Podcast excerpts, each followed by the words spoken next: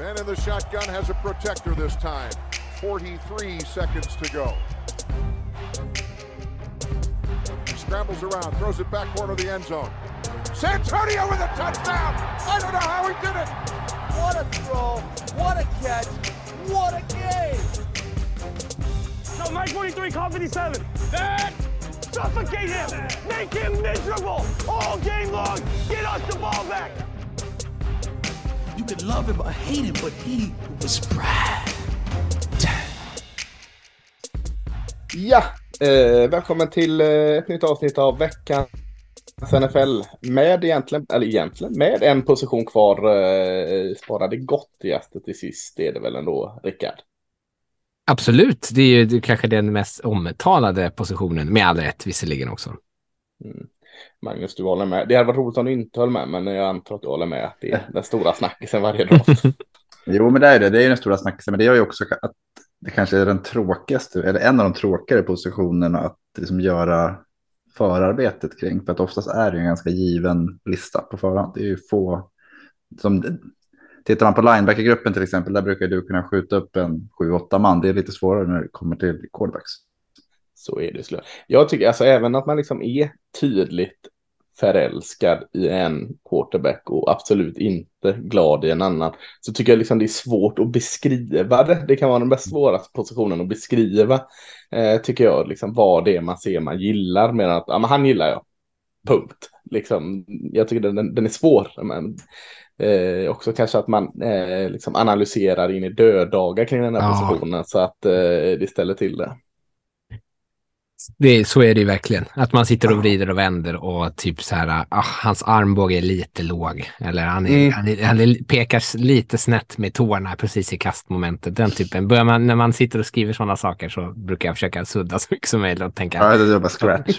ja men får han dit bollen dit den ska så är det i alla fall lugnt. Ja, men lite så. Ja, nej, jag gick förbi här och frågade hur det var med Magnus, hur är det med dig? Men det är, eh, det är bra. Det, det är sommarvärme. Nej, inte riktigt. Men efter vintern så känns det ju nästan som det. Att det är shorts och t-shirt på, på eftermiddagarna. Så det är kanon. Ja, ja, men det är härligt. Delar du känslan, Rickard? Jag delar känslan. Jag är ju en solälskare så jag, det, är, det är välkommet väder. Ja, alltså våren och sommaren, är ju, då är det ju närmare hösten när NFL börjar, så, så jag, jag gillar ju också det så sätt. Mm. Eh, men jag tycker det var jäkligt skönt, jag, jag tror det var i söndags eh, när det var så här riktigt gott väder så var man ute liksom, eh, så här, ko på grönbete liksom ute och ska greja, lägga fram dyner och sånt. Och då liksom, satte jag på sportradion så här, det var så jäkla skönt att liksom bara vara ute och inte göra så jäkla mycket men på det var någon sån här innebandy-semifinal, det var dam och herrallsvenskan, det var damkronorna, hockey och det studsade fram och tillbaka. Just så här liksom, när våren kommer och så har man på sportradion och håller på där ute. Jäkla timmarna kan rusa iväg då, det- så det är en jäkla god känsla. Ja. Håller med. Ja. Eh, men nog om da- damkronorna, eh, eller innebandy. Ska inte lura in Magnus här i innebandy. Nej, jag har lite. Jag var och kollade på Storvreta Växjö igår, en häftig match. Publikrekord 2-8. Ja, ja, ja. Men det ska vi inte prata om idag. Nej. Eh, vi ska prata om quarterback såklart, eh, men innan eh, har vi lite andra eh, goa scenarion som vi ska gå igenom. Eh, men först ett, ett litet svep kring nyheterna. Eh, Jalen Hurts, quarterback i, eh, mycket duktig quarterback förra året i, i Philadelphia Eagles, har kritat på ett nytt femårskontrakt var det va? Ja, Eh, stämmer. och visst var det så, eh, 51 miljoner per år eh, ligger eh, snittlönen på där. Eh. Rikta direkt fokus till dig här Magnus. av av någon konstig anledning. eh, vi ska inte prata Lamar, det, det, vi har pratat det så jäkla mycket. Men, men vad- säger du om Jalen Hurts? Femårskontrakt, 51 miljoner, bäst betald i NFL är han Mm. väl nu som, som alla de här lite över medel quarterbacksen blir när det är dags för nytt kontrakt. Vad, vad, vad spontant uppstuds, vad säger du om ett?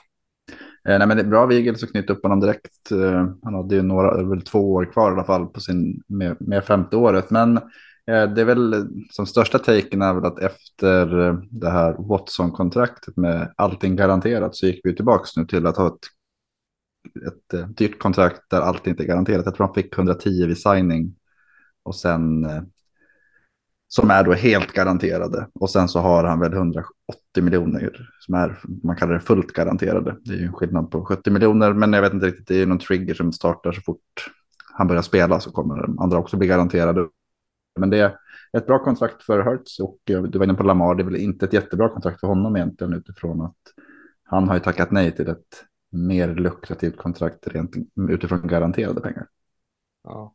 Rickard, eh, jag det Magnus säger är att eh, det är lite tillbaka till inte de här enorma garanterade pengarna. Kan det ha att göra med att eh, också som Magnus säger att det är två år kvar egentligen till han står kontraktlös. Är det lite bättre förhandlingsläge för Eagles att få till det på det sättet då tror du? Eventuellt ja. Eh, alltså han passar nog på efter en väldigt bra säsong att, att casha in. Eh, mm. Men eh, han var ju liksom kritiserad förra året, alltså innan fjolårssäsongen. Eh, eller ifrågasatt åtminstone om han verkligen var lösningen.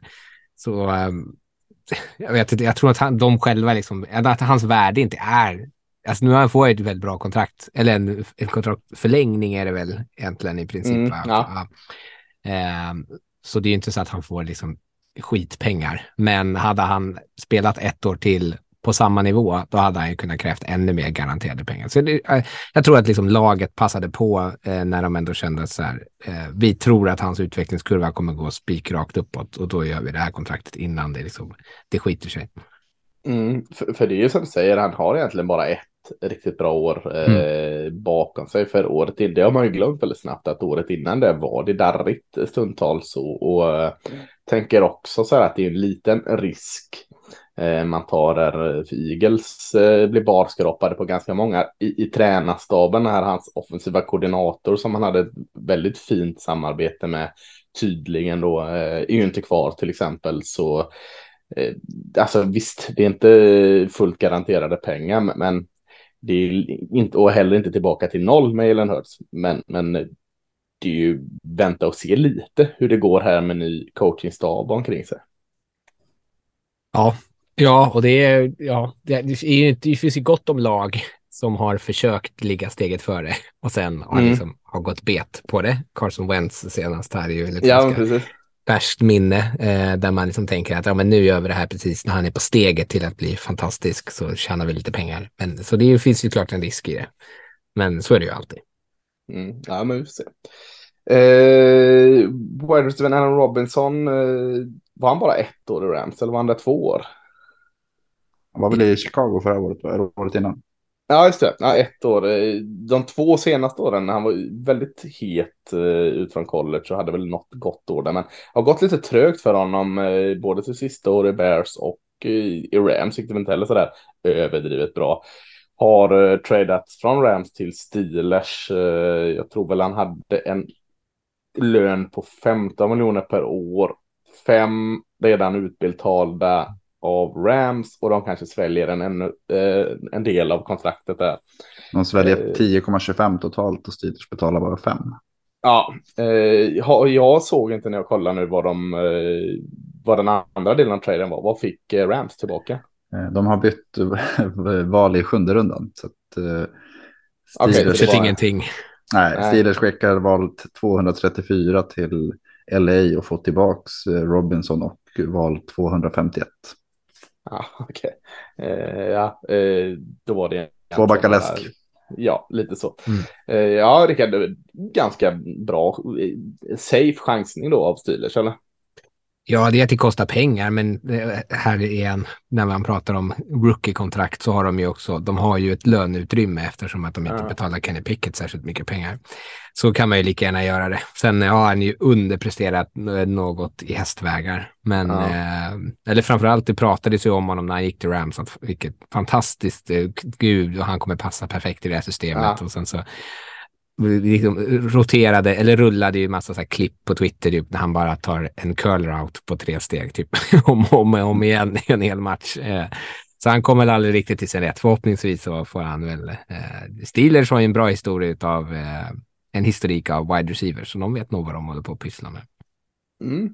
Ja, men spännande att se om, om han kan hitta tillbaka för eh, han har ju varit riktigt bra så att eh, Mm. det finns finns ju någonstans i honom där så det ser om Steelers kan eh, låsa upp det. Annars på nyhetsfronten är det relativt lugnt. Eh, draft, draft, mer draft, draft, draft, draft. Det är allt fokus som är just nu egentligen. Eh, och så ska det väl vara. Eh, vi spelar in här eh, tisdag kväll. Eh, vi har en helg framför oss och sen eh, torsdag eh, så är det draft. Så att vi är väldigt nära. Eh, och jag tänker vi, vi sitter väl inte och ältar eh, andra nyheter eh, utan går in kring draften här. Och eh, jag tänkte att vi, vi ska det är mycket fokus på, på lagen som draftar högt och rebuild mode och allt sådant. Det, det, det är ju väldigt kul att gå igenom, men pratas lite mindre då om de här lagen som kanske draftar lite lägre ner i, i första rundan och eh, nu i april är det väldigt, väldigt svårt att sitta och säga att eh, plocka ut tre topplag nästa år eller tre contenders. Det, det är för tidigt att säga, men, men om vi ska lite gå från förra året och vad vi kanske kan tro har goda chanser då, så, så delar vi upp oss här att vi får ett eh, så kallat topplag då var här och så eh, kör vi någon form av eh, mockdraft mock draft eh, eller vi, vi, vi är general manager varsitt lag och plockar i tre runder. Eh, och motivera lite kanske vad, vad ni ser och varför man tar valet här. Så att eh, självklart får ju AFC-generalen, eh, AFC West-generalen Rickard ta Kansas City Chiefs och eh, inte i samma division men under AFC får Magnus ta Buffalo Bills och jag får ju ta ärkefienden Philadelphia Eagles här såklart. Så, så, så går vi igenom lite. Är det någon som känner sig, manad här att uh, kicka igång det? Ingen Men jag kan väl börja. Ja, ja, det är börja som- längst bak där. Magnus längst bak i klassen räcker upp handen. Ja, Ja, jag, jag, tänk, jag tänkte i nummerordning så Bills väljer ju först av de här lagen. Tror Ja, jag, men jag det är minns helt fel. Så att, eh, och det är en liten lurig draft för deras del. De väljer nummer 27 i första rundan och eh, har ju en del needs. Eh, framförallt så tycker jag väl att linebacker, de tappade ju Edmunds, det gick väl till Chicago.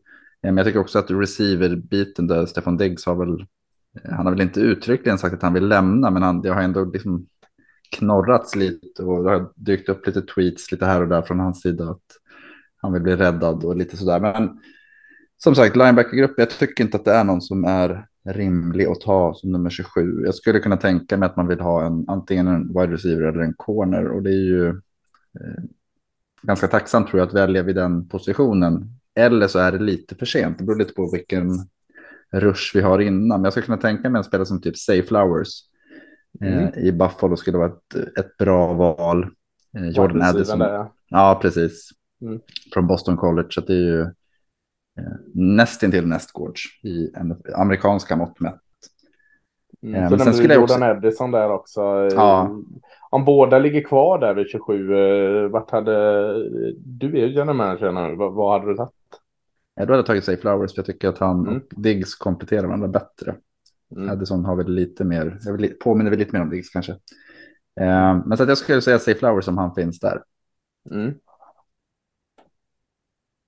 Vill att jag fortsätter då ner i, Ja, ja, fortsätt ner där. Absolut.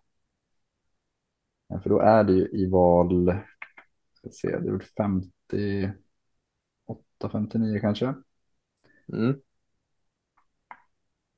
Och det är en, en bra draft för cornerbacks och jag tänker att man behöver stärka upp där på något vis. Jag, jag gillar ju DJ Turner från Michigan, eh, vindsnabbe. Eh, och tror också att det är om man ska kunna hänga med i, om man vill hota Bengals, eh, man vill hota Chiefs så har ju de mycket fart i sina receivergrupper så jag tror att en, en blixtsnabb DJ Turner skulle vara ett bra val där. Ja. Eh, ja, du känner ingen linebacker där då? Eller du, de Kanske, men jag, Ja. jag, jag, jag, vet inte. Jack Campbell skulle kunna vara en spelare som plockas där. Men jag vet Ja, inte om, jag, Ja, om han är... Det är inte en Edmunds ersättare. Det är svårt att ersätta den typen av spelare. Ja, verkligen. Eh, nej, men ikoner är ett nid och Turner det känns tryggt där. Mm. Vad, vad har, har vi något mer valt eh, där för dem? I, Mm, 91 91. Där tänker jag linebacker och det finns Ja. ju Dorian Williams från LSU eller din DeMar- DeMarion Overshown, Texas Mm. linebacken. Eh, då tror jag att jag skulle ta Dorian Williams eh, från Tulane. Som är lite mer, de har ju Matt Milano och han och Overshown är väl lite, bägge lite mindre. Så jag tror att Mm. Williams skulle passa bättre där. Ja, ja nej, men eh, gott. Då har vi wide receiver Say Flowers från Boston College och vi har eh, snabbe cornern DJ Turner från Michigan och eh, linebacker Dorian Williams, eh, tacklingskrutet där från Tulane. Ja, ja men det eh, känns väl bra. Det, det är tydliga positioner liksom som behöver stärkas utan att eh, ha någon sån här klassisk reach. Mm. Ja, hur, hur ska, hur ska Chiefs matcha detta nu då, eh, Rickard? Vi är ju inte rädda för den där skitdraften, eh, förstås. eh, nej, Chiefs, eh, jag satt och försökte kolla deras eh, trupp, det är ändå... Fan, den är bra ändå på väldigt många, eller väldigt många unga spelare eh, som man ändå inte så här, känner att man nödvändigtvis måste peta undan. Eh, men eh, i, i första rundan så tycker jag det som man kanske har absolut störst behov av är en edge rusher. Um, och då så är, är jag lite förtjust i, nu ska vi se till att jag säger efternamnet rätt här. va? Felix Anodike Osuma. Eh, Mm, det, Kansas State är Precis. Eh, långa jävla armar. Eh, och jag, jag tycker mest att han är framförallt skitbra också på att stoppa springspelet, vilket kanske inte är så här döviktigt, men då kommer de ha två stycken eh, liksom edges som kan göra det jättebra med tanke på att de tog George Karlaftis förra året. Eh, Mm. och, och nu plockar de in Charles Omeniu som free agent för att spela på andra sidan. Jag tycker inte riktigt att man får, han är i och för sig också ganska bra mot springspelet, men eh, jag tycker att man, linjen och någon sorts typ är en closer. Eh, för jag tror att Anodike Usuma också dessutom är en spelare som har ganska mycket, att, att han har ganska hög, poten, hög potential eh, utav de här edge rushen som man skulle kunna ta sig sent i första rundan. Eh, jag har också tänkt på Will McDonald om han är där, eh, att de får Mm. liksom in någon lite mer snabb jävel. Eh, men när jag, när jag har gjort, suttit och gjort så här lite olika mocks här för att se vad som skulle kunna vara lämpligt och han gått varje gång innan så tänker jag då går han kanske alldeles för tidigt för att Chiefs ska kunna ta honom. Mm. Ehm, så honom gillar jag där. Det är ju val nummer 31, eh, kanske jag ska vara tydlig med. Val nummer eh, eh 63 då i runda två, i slutet av runda två. Så återigen, nu har jag bara gått på liksom så som det har fallit när jag har gjort en massa mocks på olika, så känns det som att eh, det är lite så, så som Magnus var inne på, det är lite av en sweet spot tycker jag för cornerbacks, för jag tror att det är en del som kommer gå där i andra rundan. Eh, och då är jag lite svag för Clark Phillips från Utah, eh, som jag tror att de kan få in. Eh, och nu vet jag att Chiefs har ganska många unga corners som de tog förra året, eller ett secondary som de lyckas bygga om där. Men eh, man kan aldrig få tillräckligt mycket. Det finns kanske eh, fog för lite mer djup och då kanske man kan spela Trent McDuffie mindre nere i slott, som slott corner och kunna spela honom lite mer på en safe, traditionell safety-roll. Om man vill Mm. det. Eh, nu har man ju Brian Cook som man tog där förra året, uh, som man hoppas ska kunna utvecklas mer bredvid Justin Reed. Eh, men där tänker jag mest bara värde. Eh, och sen i tredje rundan så eh, skulle jag kunna tänka mig plocka en wide receiver, för det ty tycker jag att de behöver. Eh, sen hade inte jag lagt alldeles för höga resurser på det eftersom att Mahomes är Mahomes. Liksom. Eh, och de ändå har en del spännande spelare, men då tycker jag att man ska ta något som kompletterar lite det som de saknar och då eh, skulle jag plocka Cedric Tillman från Tennessee eh, som eh, är ett spel som kanske inte har fått så mycket kärlek eftersom att han spelade väl lite skadad i år och hade Mm. framförallt ett dåligt år. Eh, och han spelade inte så många matcher då, va? Nej, Innan han precis. skadade sig. Eh, och, Svingo 2021 var han. Precis. Ja, men det är liksom en, en större typ av receiver som kanske kan matcha. Nu har de ju bland annat då Kadarius Tony och Sky Moore där eh, som är små eh, pluttar liksom. Eh, kan han vara ett annat typ av vapen. Eh, så det tror jag skulle passa ganska bra. Ja, kul. Eh, ja, men då talar man första då Felix Anodike Uzuma från Kansas State. Ja. Eh, med andra valet Clark Phillips, cornerback från Utah och eh, wide receiver Cedric Tillman från Tennessee i, i tredje. Ja, eh, då är det jag och Eagles här då. Eh, klura lite här. Eh, har ju, jag får ju välja fyra valen nu då eftersom Eagles alltid har så sjukt mycket val tidigt här. Eh, eh, men det är alltid kul att välja så att jag, jag ser inget, ingen ilska. De, de, har, de har tappat lite, de har tappat både safety, känns i Gardner Johnson och ja, Marcus Epps. De har defensive tackle Hargrave bort och Isak Seamola, garden, lite linebackers har försvunnit. Så att, eh, ingen panik på någon position, men de har helt klart eh, hål att fylla. Nu har de tagit in Rashad Penny visserligen och Terrell Edmonds safety där. Så, så, så, de har täckt upp lite där, men, men ja. Eh, ska man, ska man drafta som igel så ska jag ju gå på linjerna här tidigt. Eh, och jag, jag vet inte riktigt vad jag ska ta på. De har gjort det väldigt bra, så jag vet inte liksom, jag ska göra det här. De har valt tio första eh, och jag kan inte med att ta Bijan Robinson till, till Eagles här för att det skär så mycket i mitt hjärta. Så, så jag stryker Bijan Robinson här, även att det hade varit svinbra för dem i, i win now mode med det anfallet. Eh, Någon form det... av integritet tyder det på. Ja, ja nej, nej, det går inte. Alltså. Det, det, det, gör jag inte.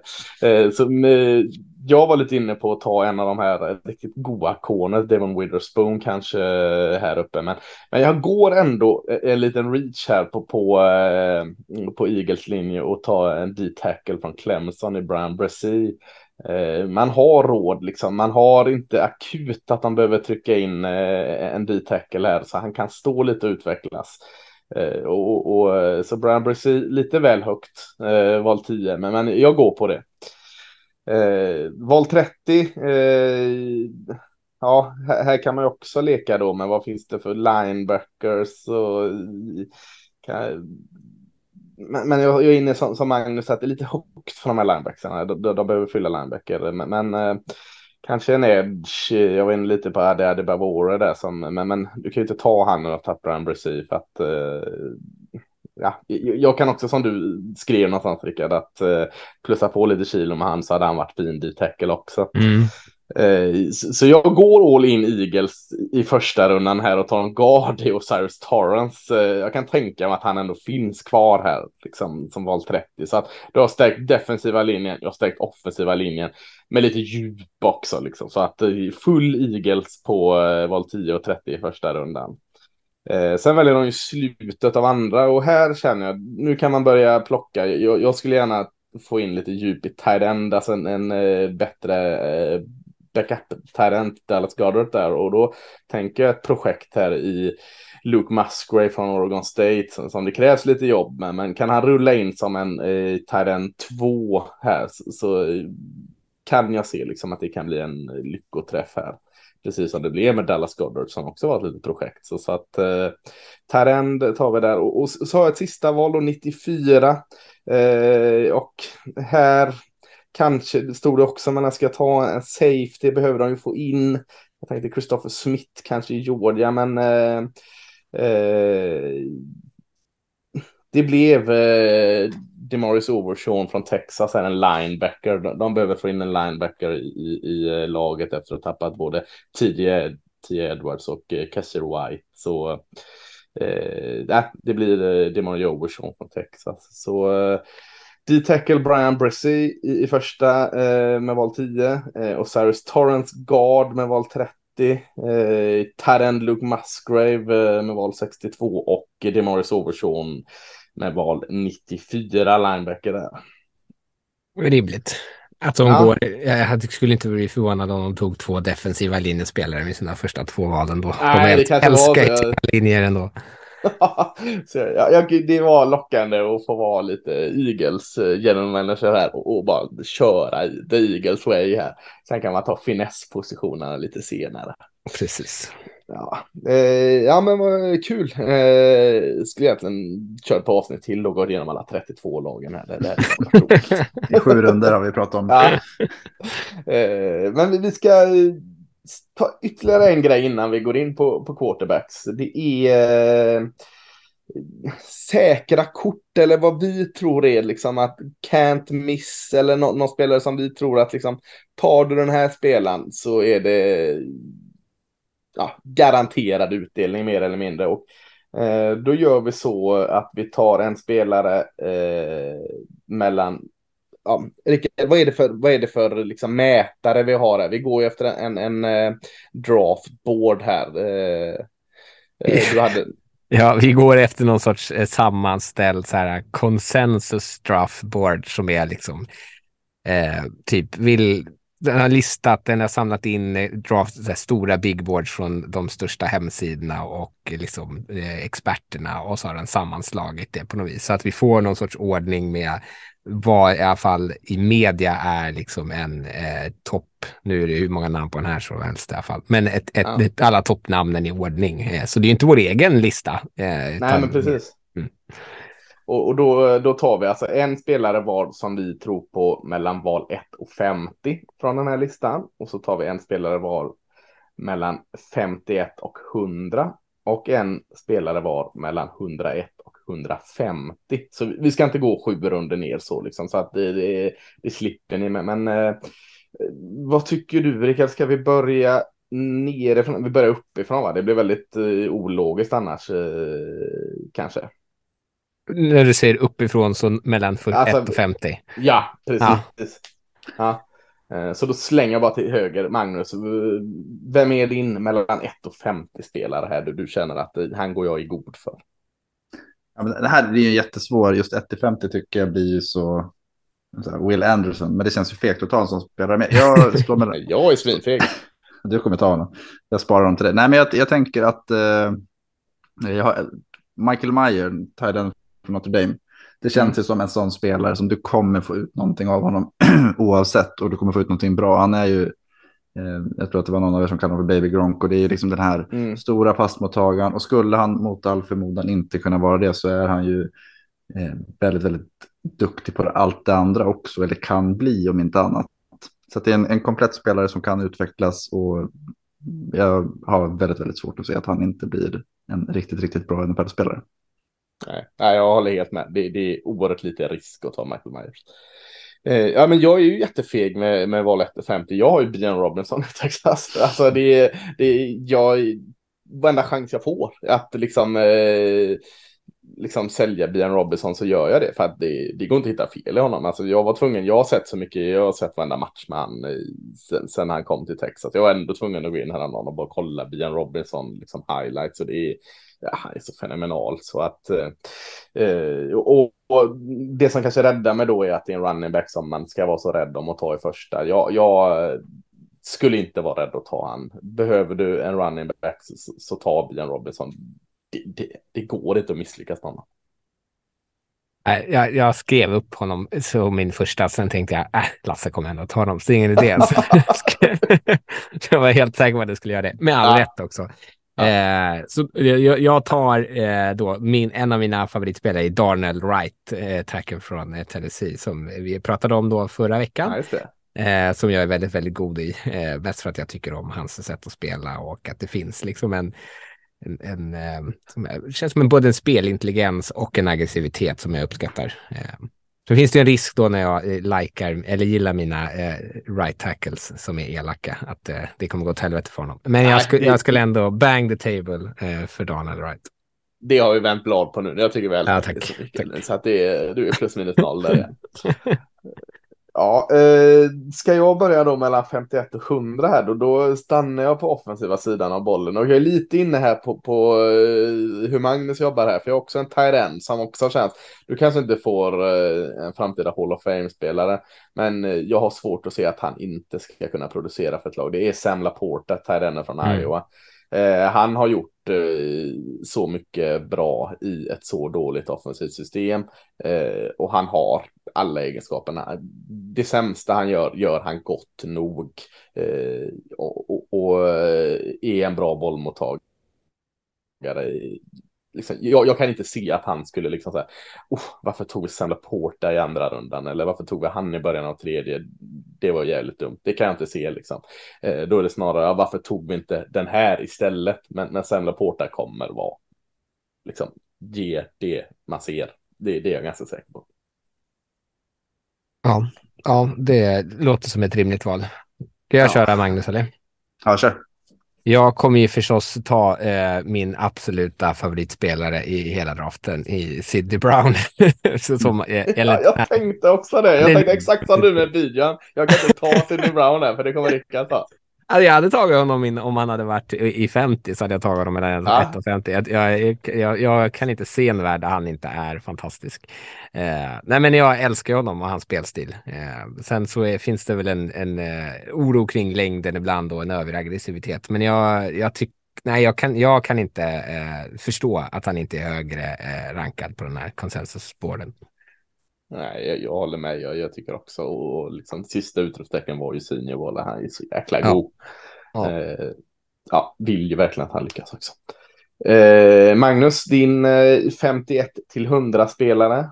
Mm, då är det en av våra bättre spelare, Keon White, edge rusher från Georgia Tech, mm. som eh, vi pratade om honom en hel del då. Rickard, du var väl inget fan, men det är samma där. Det är en sån här energispelare som är väldigt allsidig och på något vis så kommer han se till att han får en jäkligt bra karriär. Det är, jag tror att alla lag mår gott av att ha en Keane White i, i sin trupp.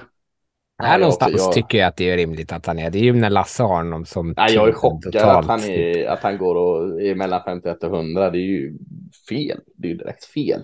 uh, hade jag kollat mer noggrant på den här listan hade jag absolut tagit Keon White här också. Uh, uh, han, han är svinbra. Det är mycket bra val.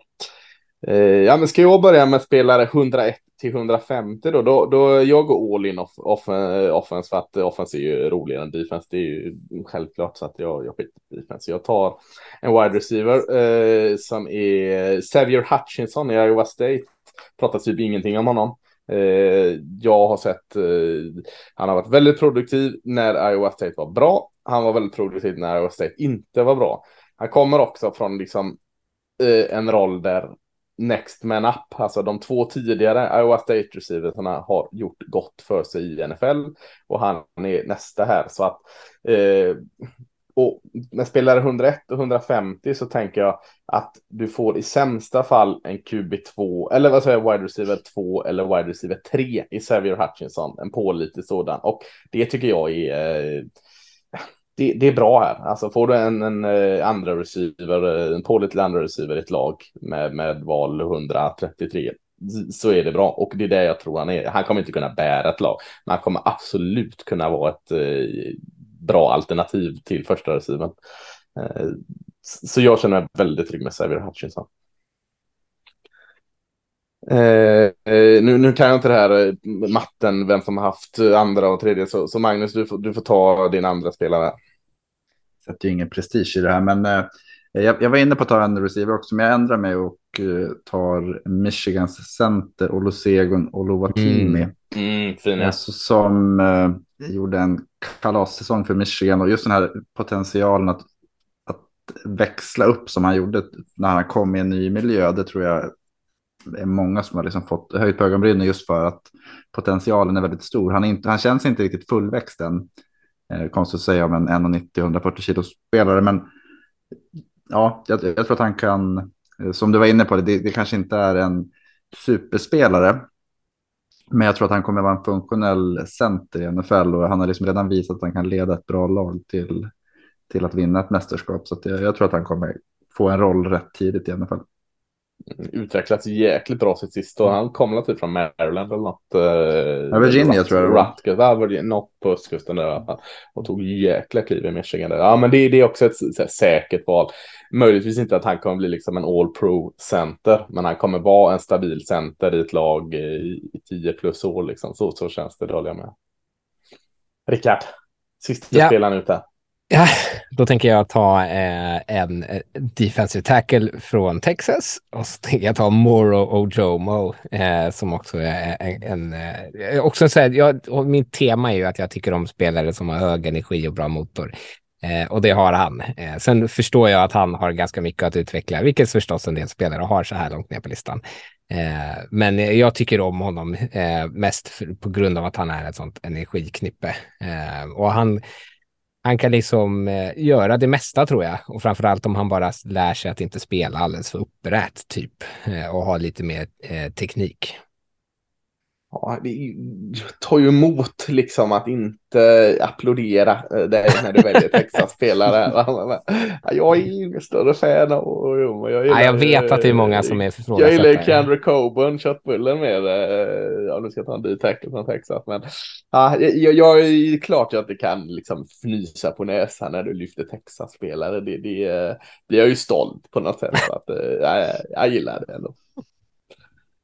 Eh, ja, eh, kul. Nu, nu, har vi, nu har vi svävat iväg med roliga scenarier och lekar som vi tycker om så mycket så att nu, kan vi ju inte liksom skjuta det här framåt längre. Nu måste vi gå igenom den sista positionsdrycken quarterback här som eh, med viss osäkerhet och darr på, på läppen vi går igenom. Eh, och, och, vi börjar väl eh, nerifrån som eh, vi alltid gör. Och eh, quarterback nummer fem på listan är en, en eh, profil från college, väldigt eh, stark profil från college. Det är Hendon Hooker från Tennessee. Rickard, va, va, eh, va, varför är han en profil från college? Borde, det kan inte jag svara på riktigt lika bra som ni kanske kan. Är han en sån profil från college? Ja, men det är han. Är ju succésäsong innan han blev skadad. Ja, det hade han absolut. Eh, men, men, hur kommer det sig att han hade en succésäsong? Då? Vad, vad, vad, vad får man ändå en hooker då? Om vi säger Tack, så? Det, var en, det var en snällare boll. Ja. Eh, nej men Henry Hooker är, väldigt, han, han är ganska spännande mest för att ja, han hade det där, eh, den här kanonsäsongen. Han spelade i ett system som eh, var jävligt tacksamt att spela i. Eh, där de liksom har många djupa passningar. Eh, det är sådana gamla Baylor-anfallet som eh, mm. RG3 också spelade i. Liksom. Eh, jag trodde ju när jag gick in för att kolla på Hooker att han skulle springa mer än vad han gör, men han är ju verkligen betydligt mer av en passare än han är en runner. Eh, och jag lägger de här djupa bollarna jättesnyggt. Eh, nu sen skadade han sin ACL, eller hur? Visst var det det? Eh, ja. I slutet av säsongen. Så här, frågan är hur redo han kommer vara, eller när han kommer vara redo sen att spela. Eh, men en spelare med en bra arm, han framförallt djupa bollarna, sitter jättesnyggt, träffar sina wide receiver i farten. Då har han ändå ett par riktigt snabba receivers där ute. Eh, sen är det väl så här, systemet är ganska tacksamt. Han är sjukt mycket yards, men han är också många kast som är ganska enkla eh, wide receiver screens som de bara sen eh, springer iväg med. Eh, och de har ett högt tempo som gör att det kanske eh, blottar försvaren en del. Så han har ganska många tacksamma passningar. Eh, jag tycker inte att han liksom läser försvaret eller ens behöver eller förväntas läsa försvaret särskilt mycket. Eh, och det kommer ju vara en, liksom en period där han behöver lära sig det. Eh, och sen är han jag tycker han är, har lite svårigheter centralt på planen. Det han är liksom bäst på är ju att lägga de här bollarna som ligger djupt mot sidlinjen. Eh, där kan han sätta den. Men han, det, det, är lite svårare när det är så grötigt centralt. Mm. Magnus, eh, håller du med Rickard här om Hooker? Ja, men alltså, det är så här en upptempo game manager mer att, mm. han, han har ju, jag tycker att han är duktig på att läsa vart han ska gå med bollen hela tiden. Han, har, han är ju väldigt effektiv i sättet att, eh, jag tycker att han hittar rätt spelare att passa till. Jag tror han hade 58-5 i Eh, touchdown till interception. Ja, det där är något helt absurt hur lite interception han kastar också med tanke på hur många passningar han har kastat. Mm. Det är liksom en, en galen. Mm. Så han är ju, han är duktig på att eh, liksom, hans beslutsförmåga är väldigt hög skulle jag säga. Sen är det ju en sak, dels skadan, han är ju 25 bast, det är liksom Vanderman. Yeah. Eh, och det är ju, jag vet inte om man, han, han, att han redshirtar hela det här året, sen var han 26 när han ska göra sitt rookie-år och kommer från ett spreadanfall. Man vet inte riktigt hur han kommer funka. Och för mig så är det ju det som Eh, sänker betyget. Att det, jag tycker att det, det har sett att det har pratats om slutet av runda ett och det, jag hade ju blivit knäckt om jag var en supporter om man tog den chansningen där. Jag tycker att det är för tidigt. Ja, nej, jag, jag håller med eh, Rickard i din analys och det finns så oerhört mycket gott ut att se i Hennan Hooker. Ja, men, men det är intressant här det, det du säger Magnus, att han, han är 25 år fyllda. Han kommer från en, eh, alltså skada korsbandet, drog han i slutet av säsongen. Eh, hur länge får han sitta? Han kommer också från ett, ett eh, tempofullt eh, offensiv. Hur mycket behöver han lära sig ett NFL-offensiv? Liksom, han måste ha reps och göra det. Eh, hur mycket tid har man där? För att han började sin karriär i Virginia Tech och, och, och ett helt annat offensiv och där såg han inte alls bra ut. Han, han transferade ju i förhoppning att bli kanske en backup i, i Tennessee för att han hade inga chanser och så kom han till det här systemet och, och liksom det bara sprakade loss. Så jag säger inte att Hennan Hooker inte kan bli, men liksom tiden är lite emot honom säger man för en spelare som inte ens har blivit draftad än. Eh, eh, och det är lite av ett ord. Men jag tänker liksom vilket lag, det här är ju, vilket lag skulle passa Hennan Hooker bäst i NFL? Liksom? Vad, eh, vad fasiken ska han eh, hitta ett hem liksom som det kan få ett lyckligt slut? Eh, har, har du någon tanke där Rickard? Det har pratats om eh, Vikings, att de skulle vara intresserade. Ja. Och det är väl alltså, någon kanske tränarstab som är, som är lite yngre, som är, vågar, liksom, an, vågar är väl fel ord, men som är mer villiga att anpassa sig efter honom och kanske kan liksom närma sig den här typen av upptempo college-anfall eh, på ett sätt som man, man ändå ger honom den förutsättningen och dessutom man har en QB nu som eh, man kan spela ett år till och så blir man liksom mm. inte låst vid. Eh, så, liksom, och dessutom man kan ta hooker och märka att det här är ingenting. Ja, okej, okay, ja, men då kör vi vidare eh, med Kurt istället. Ja, ja, men det är kanske inte helt dumt. Jag tänker ska jag lägga till där också att i, han har den här korsbandsskadan så, och han var med på Senior Bowl, men han var ju med liksom i, i uh, mysbyxor och hoodie liksom. Uh, och mätte in bra där stora händer och allt sånt där som man ska ha. Men, men det jag tog med mig från Senior Bowl var hur, alltså, Eh, Eh, hur jäkla delaktig han var trots att han liksom inte var ombytt. Han var med i hadden, han var med, stod och snackade med alla, lyssnade noggrant, liksom pratade jäkligt gott med sina receivers, sina o-line och, och, och, och running backs liksom från andra lag där.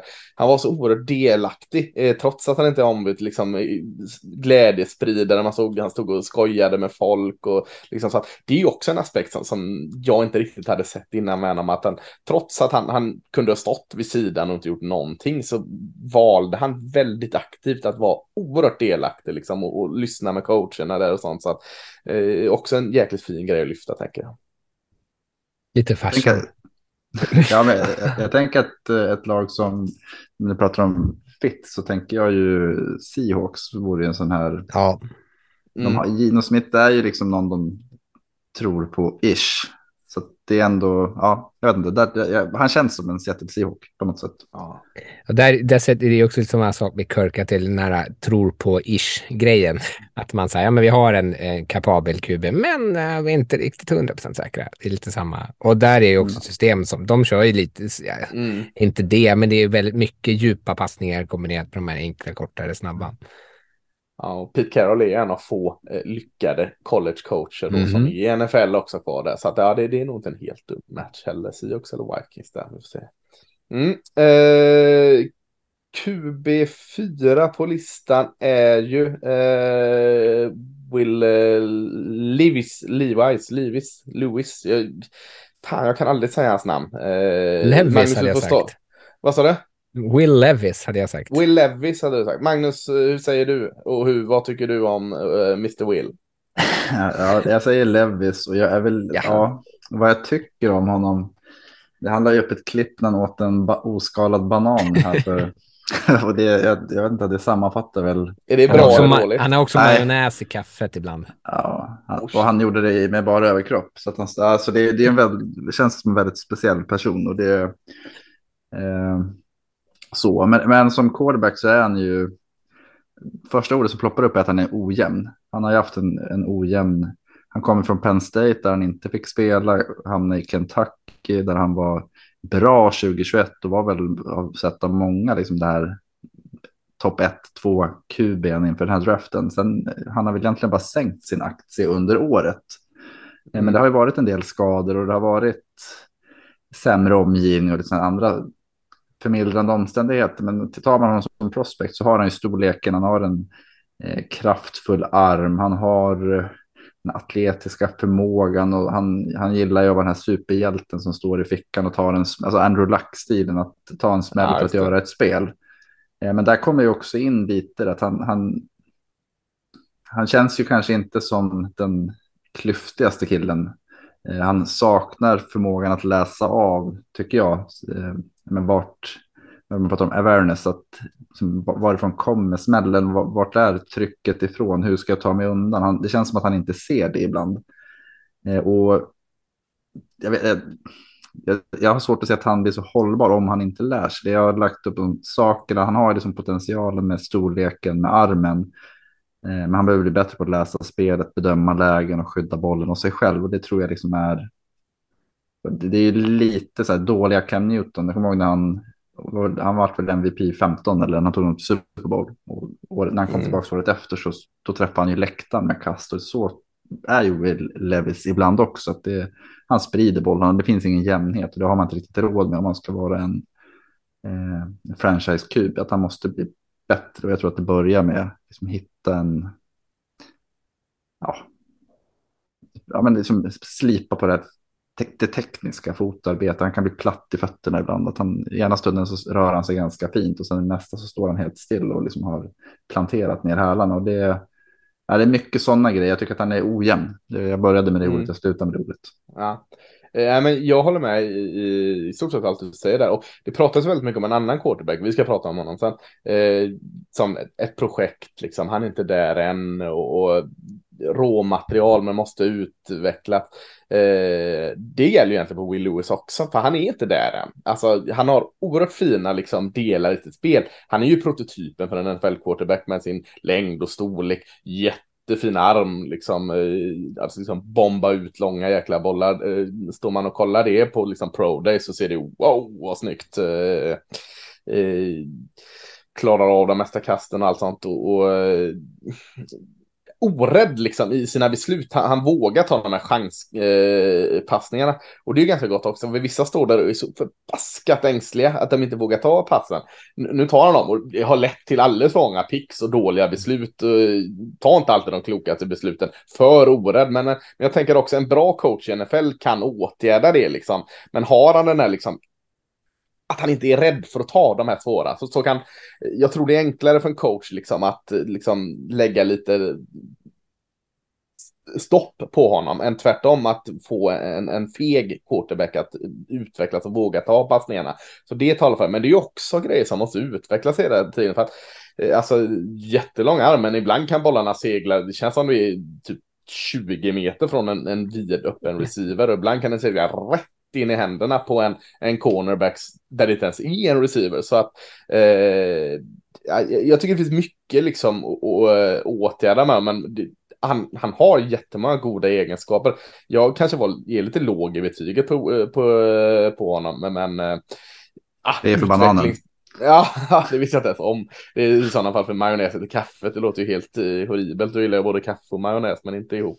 Eh, men eh, absolut, jag, jag ser högt tak på honom, men eh, ja, jag, jag vet inte om, om eh, liksom, nu har det väl landat lite hans liksom status i draften, men ett tag var det ju liksom snackat. Ja, men nej, det kanske kan, han kanske ska gå först liksom. Och, nej, det, det tror jag inte. På. Han har väl lägst, näst högst odds nu tror jag. Han har lägst det odds fortfarande. Alltså Ja, det, det, har- under de senaste dagarna har det ploppat upp.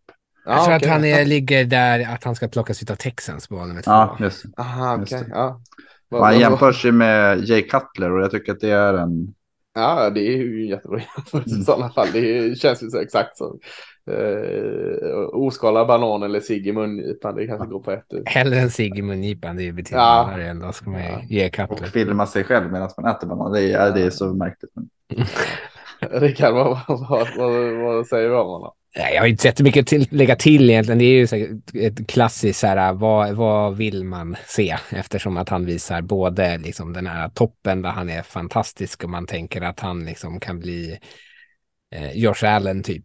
Eh, och sen Mm. så eh, visar han allt annat där han är liksom en dålig Tim Tebow typ. Eh, så det finns ju liksom väldigt högt och lågt i honom. Eh, och, det är lite samma sak. Vill man så här, skylla på omständigheterna, att hans trupp runt omkring sig är kass. Ja, det är, han är så jävla bra. De vann massa matcher ändå. Anfallet eh, lyckades ändå spotta upp lite poäng trots att allt runt omkring honom var kast. Eh, det måste ju vara hans förtjänst.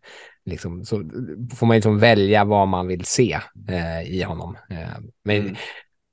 jag, jag, jag, alltså jag, vet, jag tycker att det är svårt att placera honom var han ska gå någonstans. För han är liksom betygsmässigt så ligger han väl, för mig i alla fall, någonstans i slutet av första rundan. För det finns eh, Ja, ett otroligt högt tak i honom. Eh, men han är ju en QB och det är ju inte en klass som är så stark. Så han kommer ju säkert gå ganska tidigt. Alltså om han går sju till Raiders skulle inte jag alls bli förvånad. Skulle han falla ner till 22 skulle jag kanske bli förvånad, men jag skulle inte tycka att det var konstigt. Ja, men Raiders är ju på tapeten här liksom, med jakt Mm. på QB. Vad, vad, eh, hade, hade ni fått honom? Vad, vad, eh, hur hade du spunnit eh, det dagen efter? Eh, ja, men det hade jag nog säkert kunnat lyckas lura mig. Men Ja. jag, jag tror ju att Raiders faktiskt tycker väldigt mycket om honom. Han har också spelat i ett pro-style-system. Eh, det, det är någon gammal Rams-coach tror jag som, har, som är hans offensiva koordinator. Som, alltså, han har ju Mm. haft ett, ett, liksom ett riktigt system där han också fått väldigt mycket ansvar. Eh, nu vet jag att han tar dåliga beslut på planen, Magnus, men han har, han har ju testat jävligt bra tydligen på de här olika nu gör man inte det här äh, Wonderlict eller vad det heter. Nu gör, gör de ju något annat typ av intelligenstest har jag för mig. Eh, som han hade testat jävligt bra på. Imponerat tydligen på liksom, tavlan när de ska laborita upp spel. Så, och det är ju sånt som jag tror att, eh, i, att man i Raiders i alla fall tycker väldigt mycket om. Mm. Eh, Ja, nej men det, det är spännande. Och, eh, han kommer ju gå, alltså om det har honom betyg som är i slutet av första, han kommer inte att kvar i slutet av första. Det, det, Nej, det tror jag inte. det finns Jag för tror mycket liksom. 10. Ja, och det, det, och det kan man på något sätt förstå. Det finns ju liksom, eh, går allt väl så är det ju, eh, så har du ju oerhörda uppsidor med honom såklart.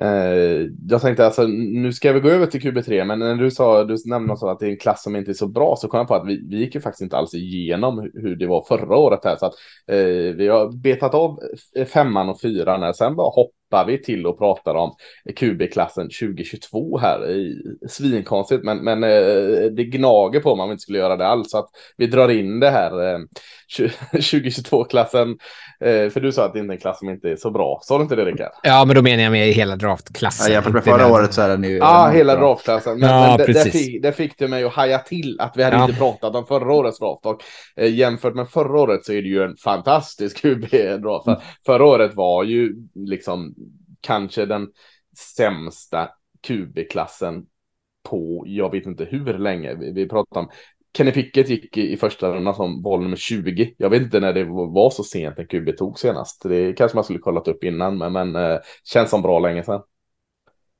Ja, nu aldrig, ja. Jag kan inte komma ihåg det. Nej, och, och sen var det ju Desmond Ridder, val nummer 74 och, Mol- och Malik Willis 86 och Matt Corell 94 där. Så att eh, jämfört med förra årets klass, eh, klass, klass så, så är det ju, ja, det är ju natt och dag väl. Det är, och det Ja. intressanta när man tittar på förra årets grupp så är väl, ja nu kommer jag, jag är inte eh, anti-Steelers, men när man tittar så Brock Purdy var väl den rookie-kuben, han gick Mm. 262 var Mr. Irrelevant Ja, som ja, kanske liksom sken mest. Nej, Pickett var väl, var väl snäppet bättre, men eh, Purdy gjorde det otroligt bra för 49ers. Men det är ju ändå intressant att eh, det har redan kommit ut att Titans har gett upp på Malik Willis som var Mm. våran QB1 förra året och eh, Ja, det är ju ingen hemlighet att Carolina har gett upp på, eller inte ens gett chansen på Matt Corell här, liksom Nej. att de och, och kolla QBs och draftade förra året, och, eller tradade och grejer. Så att, Och Nej, Sam. Howell är väl samma sak egentligen. Att, eh, Washington är väl inte superhaja på honom. Desmond Ridder ska i alla fall starta i Falcons. Ja, absolut. Det, Det, det, är därför de värvar bara massa försv eller försvarsspelare nu så att de ska kunna liksom täcka upp någonting i alla fall. Men då behöver inte han lösa allt det. Eh, ja. Nu quarterback nummer tre. Eh, och, och, det var skönt att få ta en paus för att det här är en, eh, om inte annat, jäkligt rolig och spännande quarterback att prata om. Eh, det är eh, Anthony Richardson från Florida. Eh, han har så mycket potential, liksom, så att för mig i alla fall så, så är det liksom svårt att se liksom vad hans tak är. Jag, jag ser inte att han har något tak. Eh, eh, har man råd och, och, och våga eh, ta honom eh, så högt man bara kan så ska man ta Anthony Richardson tycker jag. Eh, han, han, är ju inte redo än. Liksom det, det, det är ju inte bullshit att det är så. Alltså, eh, han har bara startat ett år, han har inte så mycket rutin, han, han har eh, alltså tekniskt, taktiskt är han inte riktigt där än. Eh, måste lära sig att värdera lägena bättre. Eh, kanske lite mer precision i sina kast. Eh, missar, liksom lite missar öppna receivers också. Eh, lite för ofta. Men, men det är sådana saker som liksom skruvar man på rätt rattar och vet vilka rattar man ska skruva på så, eh, går det att korrigera. För alltså hans storlek kombination med hans atletiska egenskaper är ju helt magiska. Eh, och, och, det bästa av allt som jag gillar, det, det är hans snärt i releasen. Alltså, det är som att knäpper med fingret så är bollen bara 50 yards ner och den skulle kunna säkert vara ännu längre ner man behöver. Han behöver liksom inte ens liksom, en, ta bollen bakom huvudet i sin release, utan han, han kan liksom, som man själv kanske kastar eh, en badboll till, sin, eh, till sitt barn, så kastar han den eh, 50 yards ner för banan. Så det, eh, han, han, är ett unikum där och eh, med, med när han, när han väljer och han är ju en bra både i, med sin arm och när han springer med bollen. Alltså farten och fysiken när han springer gör honom oerhört liksom svårstoppad. Eh, eh ja, men, men, så finns det den där grisen i säcken grejen. Han har bara startat ett år. Han, han har grejer han måste slipa på såklart. Så, så det är ju alltid en, en eh, en risk med honom. Men, men, jag tycker trots att han bara startat, jag tycker han läser eh, alltså, sina reads väldigt bra ser det ut som. Både eh, alltså, innan snapparna, tålamodet och det. Så att, trots att han bara startat ett år så tycker jag liksom ändå att man ser att han, han läser plan ganska bra. Så att, ja, jag, jag, eh, jag har suttit och tänkt själv liksom att uh, sitter jag här, skulle mitt Dallas Cowboys vara i behov av en quarterback och välja nummer ett så har jag lekt med tanken att ah, fan, skit i de här andra, ta Anthony Richardson, fan, han är så spännande. Eh, ja, jag, jag, jag, jag, är nog lite för såld på honom och eh, jag, jag, fick liksom hindra mig själv lite när jag satte mitt slutbetyg för att det finns ju tydliga liksom, grejer som måste förbättras. Eh, jag misstänker att du kommer inte ta ner mig allt för mycket på jorden när vi pratar Anthony Richardson. Jag kommer lyfta honom till skyarna. Han, han är ju min QV2. Eh, ja. Har jag inte kanske sett orimligt högt betyg på honom också just för att de, de här svagheterna som du lyfter. Eh, ja. Men eh, jag såg ju den här Utah-matchen. Det är första matchen på säsongen som jag gjorde. Det var det första jag såg med honom och han är ju mm. helt, han är i hela anfallet. Han är helt fenomenal, helt ostoppbar i hela den matchen. Fy fan vad bra han spelar. Eh, och, då, och, även om man missar en del av de här passningarna då också så, så ser man inte det för att han spelar så bra. Eh, och sen så eh, andra matchen så blir han lite stoppad och det är lite så det går i början av säsongen tycker jag att det är lite så här från och till. Vissa matcher så kan de liksom inte alls hantera honom och andra matcher så lyckas försvara göra honom lite obekväm. Men jag tycker ju längre säsongen går desto bättre blir han framför allt i mm. typ att känna ett lugn i fickan för i början tycker jag han ser lite stressad ut. Eh, även fast han liksom löser det genom att springa därifrån så kan det se ut som att han tappar blicken. Eh, och senare under säsongen så tycker jag det ser bättre ut. Men han har ju ett sånt enormt tak. Alltså det finns ju inte en spelare som har sett ut så här som spelar QB. Eh, liksom, det, alltså som är så här atletisk. Nej, man försöker eh, tänka är... så här, hur såg Cam Newton ut i Auburn liksom? Var han i det här? Men, men nej, inte riktigt ändå alltså. Nej, och det är ju det som är så sjukt. Eh, sen var ju Cam ja. Newton betydligt mer slipad passare. Eh, mm. Sen Richardson har ju som, det är lite roligt för när du pratar om hans arm, det var ju det man sa om Cam också, att hans, mm. där, bollen bara zup, liksom även om man mot förmodan lyckas komma fram till honom så bara kunde han få iväg bollen på liksom ett, ett ögonblick och det är lite samma sak med Richardson. Eh, men det finns så mycket potential här, alltså så här, jag älskar honom nu, eller jag tycker väldigt mycket om honom för att så här, vi i Raiders Det är liksom, nu är jag ju färgad av våran bakgrund. Vi lämnade Derek Carr för att det var så här, man behöver ha en otrolig superstjärna. Och sen så Mm. tittade jag på Richardson och så bara, det här är ju en otrolig superstjärna. Snälla, Aha. snälla, låt oss få honom. Eh, och så får vi se liksom vad som blir. Det kan bli världens bast, men det här är ju den typen av spelare jag skulle chansa på högt i draft. Ja, jag håller med. Magnus, vad, vad, eh, vad säger du? Eh, nej, men eh, jag, jag kan väl ta ner det på jorden. Tänkte. Ja. Nej, men jag, jag håller med. Att, Nej, nej, det behöver vi. nej, nej, men jag, jag håller med det du säger att han varit bättre under året. För som, det tog väl till match fyra innan han kastade sin första touchdown. Eh, och sen så liksom kom han igång. Men han, det vi pratar om med Levis är ju egentligen samma sak med Richardson, bara att hans tak är högre. Ja. Och Mm. han är färskare. Eh, han har ju liksom betydligt mycket högre, ta- ett betydligt högre tak. Sen så, jag tror inte att han, alltså jag är väl lite det här att vad är han- hur får man ut bäst av honom? Jag tr- tror ju inte att han ska spela i höst. Så att för Raiders del vore det kanske bra att in med Jimmy Garoppolo först och sen så får man matcha in honom. Lite som Ravens gjorde med Lamar. Eh, För jag Mm. tror att eh, man behöver nog hitta, man hitta en struktur där han får ut, liksom, nyttja sina styrkor till en början för att komma in och sen liksom börjar man jobba in passningsspelet med. För att han, han var väl strax över 50 procent i träffsäkerhet. Och det kommer ju inte vara bättre i NFL till början tror jag inte. Han har ju Men däremot ja, liksom möjligheten att kunna liksom springa iväg. ja absolut. Alltså, han, han har kraftfullheten. köpa tid på att bara vara en bättre atlet än alla andra. Mm, det har han och det är där, därför det är så viktigt att man har, det har man ju sett förut, spelare som har den förmågan och så blir det deras spel. Ja, så fort ja. man ser att det händer någonting, ja, nu börjar de komma närma sig, nu hittar jag ingen och så drar man iväg. Eh, och, och det är ju inte riktigt det, då får du inte din superstjärna. Då får du en, ja, någon som sköter springspelet åt dig och det är väl det som, alltså med Ravens del och, och Lamar Jackson så har ju det varit, Lamar vill inte vara en springande QB så att man har, han har ju liksom tryckt på för att få, få ett mer passningsinriktat anfall och springa mindre. Och det är väl där jag tror att Richardson tror jag man kommer börja med att använda honom ganska mycket i springspelet för att liksom vinna tid för att skapa en passning. Och jag tror som sagt att med den armen och den fysiska förmågan så kan det bli hur bra som helst. Han har väl varit med på alla de här freaklistorna. Ja. Eh, men däremot så ska man ha rimliga förväntningar första året tror jag. Och kanske andra. Han är ju Kan man få en Lamar-typ så är det ju, skulle jag också tagit. Hade Mm. jag tagit topp tre, liksom topp ett.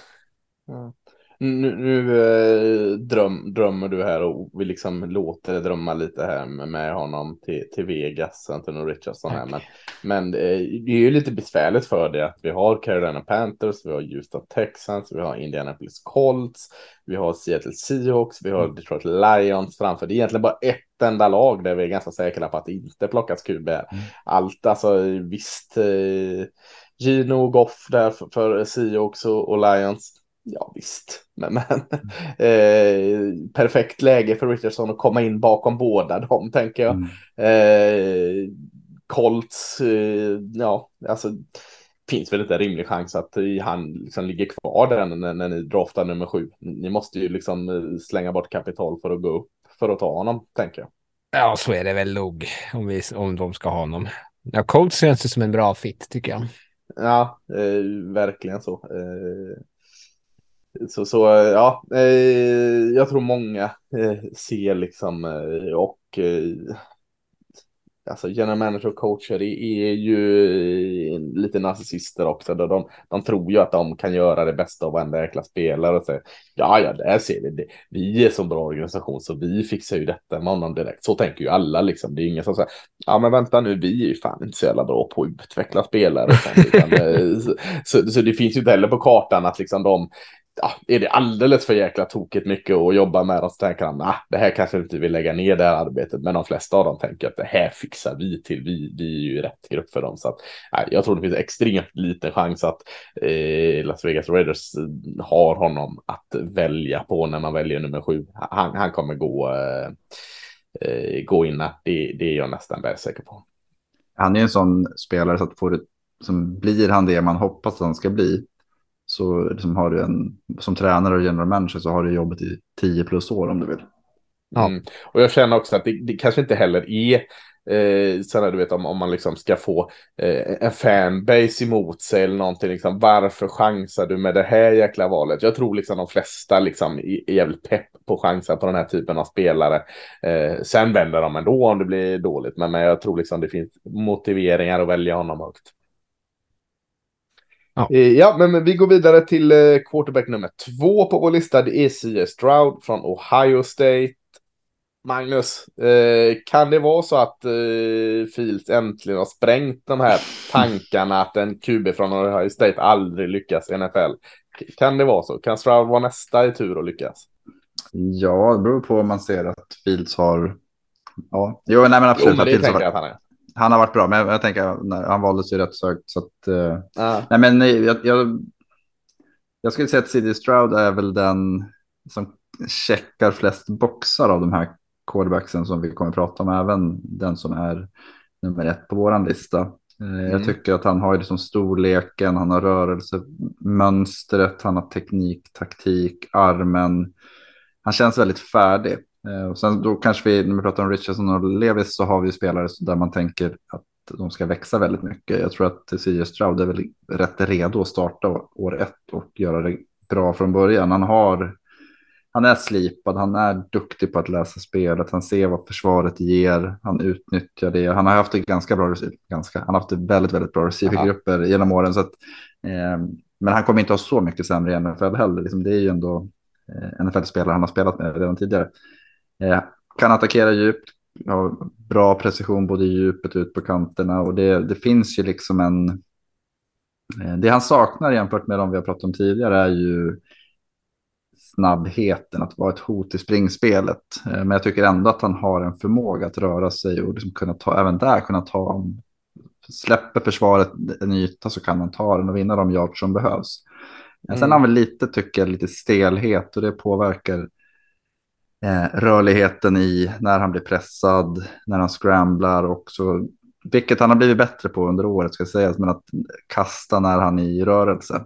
Att han, han är ju mer en, en QB som trivs i fickan enligt mig. Och det, eh, ja, det är där han ska vara för det mesta också. Så att, eh, men jag tycker att han har, eh, om du pratar om att Fields har sprängt eh, Ohio State, eh, den här vallen, så tror jag att CJ Stroud kommer eh, ta det till en ny nivå. Ja, jag håller med jättemycket egentligen. Allt du säger här, eh, liksom, eh, han har alltså inga problem att plocka upp en första down med fötterna eh, när och om det behövs. Men, men som du säger, han är lite klumpig, alltså klumpig, halvstel, liksom när kanske fickan kollapsar och, och han inte har en tydlig plan att fly så blir det lite så här eh, Eh, vilda västern. Eh, där, där finns det lite att hämta. Eh, eh, jag säger inte att det är ett panikläge, men han behöver lösa de situationerna aningen bättre såklart. Eh, Men jätte, jag håller mig väldigt mycket i storleken och kroppen. eh, Och jag tycker han är rörlig och smidig liksom i sin release. Han har jättefin clean release tycker jag. Och, och eh, Eh, bra precision när träffar liksom sina duktiga receivers i små fönster. Och det är ju lätt att säga den här, liksom, ja visst han kommer från ett, vad som då ska vara ett quarterback-vänligt system i Ohio State och eh, ja, eh, han har haft hjälp av jättemånga bra receivers, men, men han också, man kan också vända på och se att de här receiversarna som bara ploppar ut i, i NFL, det kommer ut en rad Eh, det kommer ut en rad förra året, det kommer ut i år, det kommer komma ut nästa år. Eh, man kan också se liksom att han har hjälpt dem att liksom eh, ta nästa steg. Kombinationen är kanske liksom någonstans mitt emellan där, men det är inte bara att säga att ah, men han har så bra receiver så att det- är bra. Han gör ju dem också bättre. För jag tycker han läser av planen och vart de tar vägen väldigt bra och, och går igenom sina alternativ med lugn och, och, och trygghet liksom. Och, sätter det han ska sätta där. Sen är det ju det liksom eh, Richardson och, och Levi's högt tak. Eh, Strout som du säger. Eh, NFL-redo nu. Taket kanske vi redan börjar se lite här. Liksom, så att, mm, frågan är ju alltid på, på liksom, hur mycket bättre kan han bli och eh, hur räcker det med vad han är nu.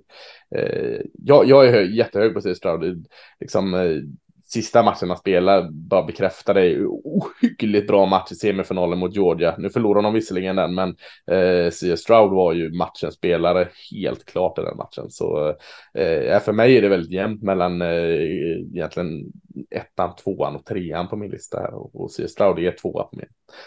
Han är etta på min. Eh, Ja, Rickard, eh, jag tror du var lite mer skeptisk till honom innan och har kommit någonstans att eh, du ändå ser vissa positiva egenskaper med Stroud, va?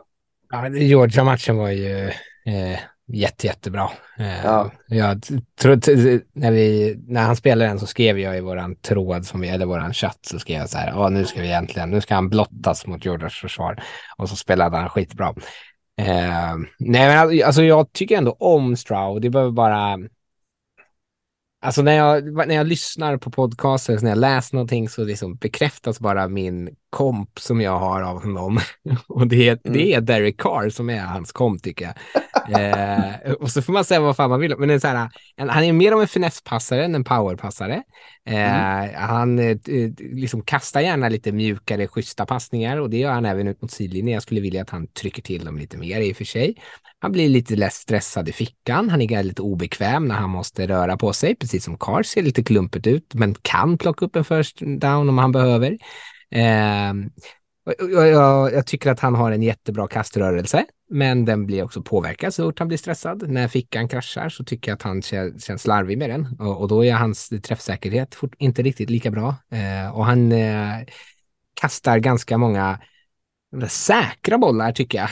Eh, och det kan man säga vad man vill om det är någonting positivt eller negativt. Men han gillar ju att lägga ut bollar ut mot sidlinjen där liksom, ja, missar han den så blir det i alla fall inte en interception utan den bara kanske faller eller åker ut över sidlinjen. Sådär. Eh, väldigt fina eh, liksom fade-bollar eh, och det har Derek Carr också alltid haft. Eh, och, och, sam, och liksom det här extra taket är liksom det som gör att jag har Richardson högre än honom är för att jag ser att Richardson kan bli någonting fantastiskt och jag tänker att CJ Stroud inte kommer kunna bli en topp 5 QB i NFL. Mm. Det var ju väldigt ju- mycket sn... Ja, kör Magnus. Jag tänkte bara säga att han har ju 70 procent i passningsprocent under sina två senaste år och 85-12 i touchdown. Och det är, han spelar ju Ohio State så det, det är ju så. Men, men just det här att han är ju jäkligt produktiv och säker. Och det är lätt att det blir det här tråkiga som du är inne på att Derek Carr samtidigt så Derek Carr hade ju väl eh, var väl, hade väl någon MVP-säsong nästintill Ja. när han bröt foten va? Eh, Absolut. Och det Och var det här kan- när, jag tänkte att det är ju när, när, när omgivningen är så pass bra så kan man ju få ut väldigt, väldigt mycket av den typen av quarterback. Precis, och det är lite det som är kanske grejen med Stroud, som jag tänker att så här, ska man, vill man att han ska bli bra, då behöver man också kanske se till att han får de förutsättningarna som han har, har haft. Ehm, Det, så Ja. jag. Sen kan man Ja. säga, en ganska stor skillnad, är så här, det som Carr också fått mycket skit för, att när det liksom krävs så faller han och så kastar han bort en passning på fjärde down. Eh, och Stroud istället lyfte sig mot Georgia. Han, det var ju hans överlägset bästa match, liksom, när så mycket som möjligt låg på hans axlar. Så det kan man ju kanske se som någonting positivt om man, vill, liksom, om man inte tycker om Carr. Vi, vi, vi, ehm, det pratades ju väldigt länge om att eh, Carolina Panthers lutade ju lite åt, alltså tyckarna och experterna sa att ah, men det här är nog något som Carolina Panthers eh, ledarstab och, och coachingstab är mer sugna på än eh, då den andra kuben som det har pratats om. Det har lugnat sig lite det snacket. Så jag tänker då om han faller ner, mycket det är att falla ner till det andra väljande Houston Texans. Så här, Känns det ändå inte som en ganska bra situation för honom? Alltså han kommer in där, det finns en, en riktigt bra left tackle som hjälper honom. Eh, de har mycket ammunition att, att bygga ett lag kring honom, stärka den linjen. Eh, visst, de, de har hål att fylla, Houston Texas, men alltså rent liksom att han- måste ha en trygg ficka och det känns nästan inte bättre att han kommer in i Houston Texas än, än eh, Carolina Panthers. Jo. Ja, men det är lite som du pratade om i kapital också, att kunna plocka Ja. bättre spelare runt omkring sen. Eh, Ja. an, anfallet till Panthers eh, är ju kanske inte jättekul att komma till. Nej. Så eh, jag tror det hade gjort honom gott att han inte, sen är det ju alltid en fjäder i hatten och bli vald nummer ett. Men, men jag tror kanske det hade gjort honom gott att hamna i Houston Texans. Sen vet jag inte vad de liksom själva tror honom. Men, men ja, spännande att se. Eh, För det har ju pratats om att de inte alls vill ha honom. Att de är sugna på att trada nej. bort den om, om Ja, inte precis. den här vi ska Eh, prata om nu finns. Nej, men precis. Eh, Så vi får se. Jag, jag eh, tycker de ska ta honom. Men, men eh, ja, jag vet inte alls vad de vet. Nummer ett på listan. Eh, inte, ingen jätteöverraskning här. Det är Bryce Young från Alabama. Eh, Rickard, eh, du har honom ändå som nummer ett. Du har inte Anthony Richardson som nummer ett. Nej, nej, så, Var- så varför, galen är jag varför, inte. varför är du emot Anthony Richardson här plötsligt? Ja, men med Bryce Young så är han är ju eh, fantastisk. Eller? Det måste man ändå... Eh, det, Ja, det, det eh. är bara storleken som är liksom orsaken till varför han inte är eh, högre, tycker jag. Eh, ja. Han är otroligt intelligent. Eh, känns som att han tar rätt beslut typ hela tiden. Han har inte världens största arm, men det har inte varit något problem överhuvudtaget för han kan kasta med sån liksom, anticipation. Han vet var han ska lägga den och när. Riktigt fin känsla i bollen eh, när han lägger den liksom över linebackers och in framför safeties till exempel. Jätte, jätte eh, snygg. Eh, Sen kan han, eh, om man ska här, kinka ner sig någonting så är kanske bollplaceringen inte alltid liksom helt perfekt för att hans receiver ska kunna ta den i, i steget. Eh, och några bollar som ligger lite lågt bland annat. Eh, men det är inte, jag tycker inte att det är ett jättestort problem. Eh, och sen så det som man kanske så här, när man tittar på honom, man, ha- hans highlights eller det som liksom folk vet om honom är att han är ju en trollkarl i fickan. Han är helt omöjlig att få tag på där. Han skuttar liksom åt sidan och så eh, hur många rushes det än är. Man kan, kan nästan lämna ett helt försvar oblockerat och han skulle liksom kunna undvika att bli tacklad. Det ser ut som när det är en vuxen man spelar mot barn på eh, liksom, i Fast trädgården. omvänt. Ja, ja okej. Gamla gubbar som oss eh, skulle försöka fånga ett litet kvickt barn. Ja, nej, nej men han, han är han minner mig rätt också, eh, trots att det är jämnt. Eh, du säger mycket av det som, som liksom är hans storhet tycker jag. Men jag alltså, läser spelet väldigt bra före och efter snap och jättetrygg och fin. Jag fick en lugn liksom och ha kontroll utan att liksom att vara för lugn och liksom bli, bli säkrad utan han känner var pressen kommer från och vet hur han liksom ska komma ur den med, med, med snabba och rörliga fötter, liksom jättebra fotarbete, både liksom när han dansar runt i fickan och när när han då plantera fötterna i, när han ska sätta en, sin release och, och eh, ja, det, det, storleken är ju då eh, såklart en grej som lyfts mot honom, men, men om man lyfter en annan grej då, om, om man ska liksom leta fel, det är på de här toppspelarna så är det mycket roligare att försöka hitta fel än att hitta bra, så kanske att jag hade önskat att han ibland lägger han lite för mycket liksom fokus på att hitta den där perfekta eh, luckan eller perfekta passen. Att våga ta den här eh, chanspassningen som eh, Will Levis gör ibland också. Bomba ut den lite på, på utsidan. Eh, nu var det väl första gången på 23 år Alabama inte hade en eh, magisk receivergrupp förra året visserligen, men fanns ändå hot på utsidan och där var han lite, lite så här ängslig, inte ängslig fel ord, men jag hade gärna sett att han vågade ta de här 50-50 chanserna lite mer än vad han gör. Han, han, han spelar tryggt, kanske också i hårda direktiv för att han vet att gör han det så vinner Alabama för att de har det försvaret de har så att det räcker att han gör det. Så det är mycket möjligt att han kan göra det, men just nu känns det som att säker på, på kortare och mediumpass, lite mer, eh, ska absolut inte säga att han är osäker eller dålig på det, men jag önskar lite mer långa eh, bomber från honom.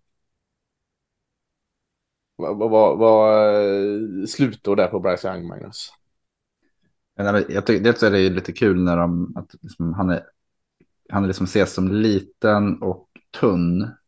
Jag det slog mig nu att han är lika lång som mig och väger lika mycket som mig och jag brukar inte ses som tunn. Ehm, och det behöver inte vara ett slutord. Du blir Nej, ju men- sällan tacklad av män som väger 150 kilo också. Ja, ja jag vet. Så att det blir det blir ju inte jag så ofta. Om man skulle ut på krogen någon gång. Nej, men jag tycker att ni är inne på det. Hans eh, styrka i huvudet. Eh, Han har ju jämfört lite med Drew Brees och det, ofta så är det ju för att de två små quarterbacks. Mhm. Men jag tycker att han, är ju, han har ju liksom den mentala aspekten tycker jag, Breeze också. Det kanske är därför han är där han är just nu, för att han är så duktig med, med huvudet, att skapa sin egen yta, att se planen, att han sa väl det själv på combinen, att "Men jag har alltid varit så här stor. Alltså det, jag vet ingenting annat. Så att han har ju lärt sig att spela utifrån eh, sin egen size såklart. Och skalla, det, som, det går inte att... Jag, jag, han känns aldrig stressad. Det känns alltid som att han vet vad han ska göra. Och vi pratar om att Stroud har en bra omgivning. Det har ju Young också haft. Men jag tycker att han kanske i större grad har glänst eh, för sina egna färdigheter, om du förstår vad jag menar. Liksom att han, jag vet inte, han, han, han gör omgivningen bättre på ett sätt som kanske inte City Stroud har gjort lika tydligt. Det känns mer som att han har färdigheter som passar det systemet. Eh, men sen är det ju storleken och det, det ja, det, det, han är väl den minsta som någonsin skulle gå så högt. Om jag inte minns helt fel. Ja, i alla fall i, i vikt. Jag vet inte om han är lika Ja. lång. Kyler Murray. Nej, han är väl lika lång som Kylie Murray men vägde väl 10 kilo mindre. Så att, Mm. och det är lätt att man hamnar i den. Jag, jag hoppas inte det gör det, utan jag, jag tror att han eh, hamnar i ett lag där han faktiskt kan fortsätta att använda sina styrkor. Och det, man vill ju inte att han ska vara, vad heter han, Sam Darnold, när man börjar se spöken för att det var liksom fri hopp och lek på honom i stort sett. Där tror jag att Bryce Young kan få svårt om man inte har, det är samma där, i Alabama har ju haft en väldigt bra offensiv linje varje år. Eh, så att det gäller ju att skydda honom, men gör man det så tror jag att man kan få en, jag tror att han kan bli en topp 5 QB just utifrån hur otroligt duktig han är på att använda sina egna verktyg. Absolut. Jag, tror inte, jag är inte rädd för att han ska se spöken, snarare tvärtom. Att han är för nonchalant och, och tänker att så här, jag kan fortsätta hålla på så här som jag har gjort på college tills liksom man får en smäll och sen så krävs det inte mycket mer egentligen för att man ska bli skadad. Men eh, Nej, skador är Ja, så det- omöjligt att räkna med. det går inte att förutse. Nej. Lite som, som kuben innan och honom i Alabama, det tror jag Tagovailoa då, som har haft Mm. eh, ohyggliga problem med det. Och Som kan- också jämfördes det- med Breeze. Mm. Ja, precis. Och det kanske också där när vi pratar om storlek och, och, och lägger en del eh, energi och pratar om det, så, så är det väl kanske mer det vi stryker under än att vi tror att han, han är, är för kort eller något. Alltså, eh, han läser spelet bra ner på planen. Han, det är inte så liksom att han inte kan se planen för att han är kort och så. För att eh, storleksmässigt på de som ställer upp eh, på defensiva linjen är det ingen större skillnad på SSI och NFL. Så att det är ju inte det som är den primära oron liksom, med hans storlek. Att han inte liksom skulle, att det skulle hämna honom i att liksom se eh, luckorna och zonerna han kan lägga bollarna på. Det har han bevisat om och om och om och om igen i college. Så att det är en av hans största styrkor. Så att oron i varje fall, jag tror ni håller med det, oron i varje fall med hans storlek är just att det ska bli som det blir med Tua Tagovailoa där att han inte har skyddet runt omkring sig och är lite liksom trygg med sig själv och blir sänkt lite för ofta och, och, och helt enkelt inte hämtar sig från det. Ja, Håller med. precis. Yes, ja, men då, då har vi betat av fem QBs här. Eh, nummer ett på listan då Bryce Young i Alabama. Nummer två på listan C.S. Stroud, Ohio State. Nummer tre på listan Antonio Richardson i Florida. Nummer fyra på listan Will Levis från Kentucky och nummer fem på listan Hendon Hooker från Tennessee. Eh, men vi, vi, Magnus, har du någon eh, utöver topp fem-listan här du, du skulle vilja liksom eh, lyfta lite? Ja, nej men jag, det finns ju en, eh, en LA-QB som jag tycker, han är ju underhållande. Ah, han har ju med! Ah, Alltså.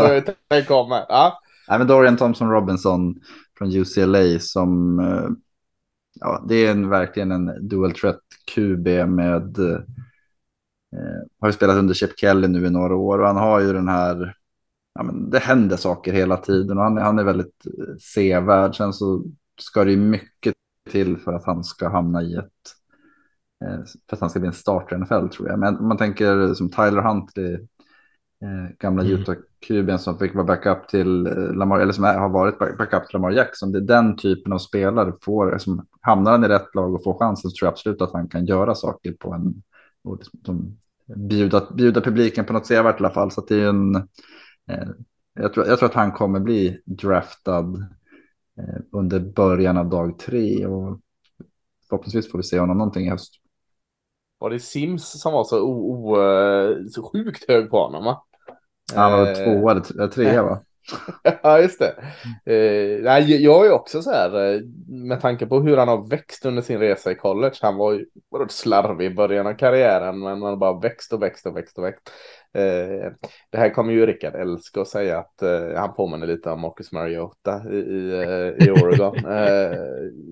men kunde det blivit lite annorlunda för Mariota? Han valdes ändå nummer två, så att eh, jag, jag har också alltså. Men eftersom du tog han så, så då ser ju inte jag, då ser jag bara chansen att få lyfta en annan eh, quarterback. Eh, Dåliga istället. Flacco.